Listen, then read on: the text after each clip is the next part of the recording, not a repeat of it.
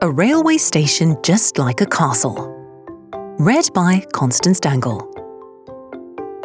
The main railway station building in Wrocław looks a bit like a castle.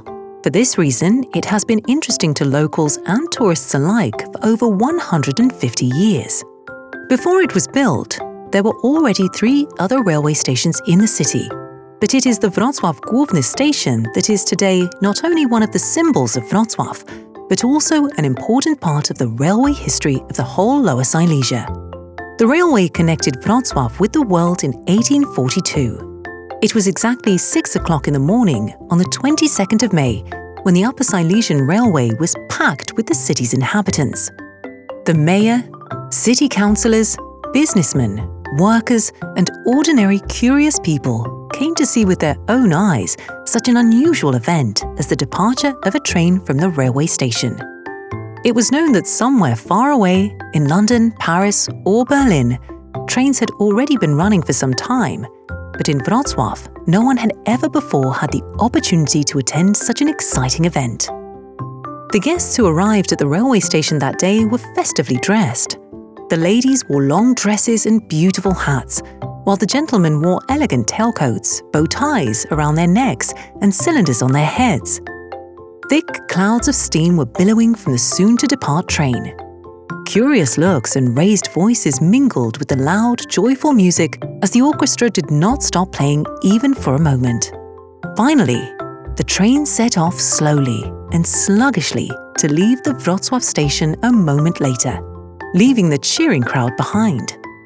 Thus began the first train journey on today's Polish lands. It was the first train journey within the borders of present day Poland. The oldest railway line on Polish territory ran from Wrocław to Oława, was 26.5 kilometers long, and took 43 minutes to complete one way. The Wrocław Główny station of the Upper Silesian Railway was made available to passengers on the 21st of May 1842. The building of this oldest railway station in Poland still stands in Małachowskiego Street, although not much remains of its former glory today. The Upper Silesian Railway Company received permission to build a railway route from Wrocław to Poznań, and it was then decided to build a new, much larger railway station to be admired by visitors coming to Wrocław. In the mid 19th century, the dominant trend in architecture was neo style, it was a way of constructing new buildings so that they looked like old buildings, as if they were several hundred years old. Neo Gothic was the most popular, referring to the architecture of medieval times. It was specifically in such a neo Gothic historical style that Wilhelm Grapow, an engineer, designed the main railway station in Wrocław, which is why travelers to Wrocław associate the building with a medieval castle. Construction took two years, and the whole thing was completed in 1857. Wrocław Główny railway station is as long as 200 meters, has two floors, and its facade is divided by three risalits, that is forward parts of the station. The central risalit, the largest and most elaborate, houses the main entrance. Turrets rise on its sides, and the whole gives the impression of a real castle. At the time of its construction, Wrocław's railway station was one of the largest in Europe. In addition to waiting rooms for first, second, and third class passengers, ticket offices, and a passenger service point, the building housed a restaurant, a telegraph, a telephone, offices, and flats for the station master and station stewards.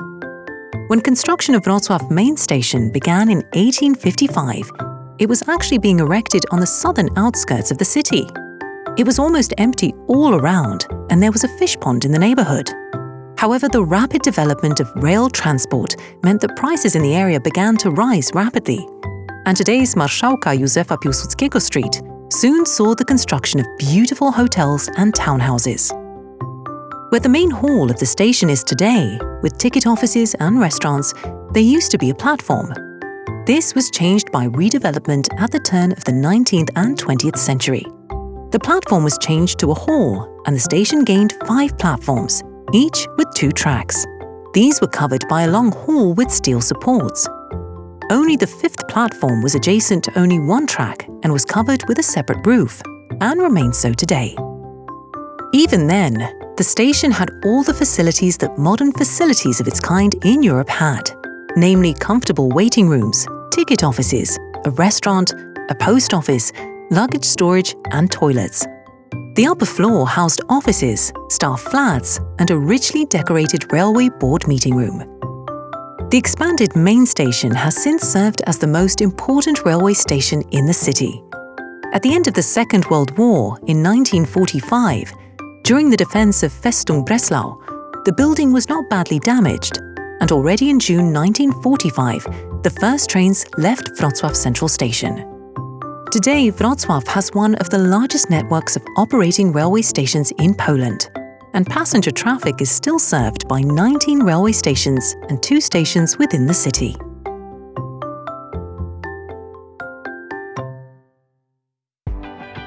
Zadanie realizowane jest w ramach Funduszu Narodów Zjednoczonych na rzecz dzieci UNICEF na podstawie Memorandum of Understanding pomiędzy Funduszem Narodów Zjednoczonych na rzecz dzieci UNICEF a miastem Wrocław z dnia 9 czerwca 2002 roku oraz Letters of Exchange for the Provision of Support Related to Emergency Refugees Response in Wrocław from the 9th of June 2022.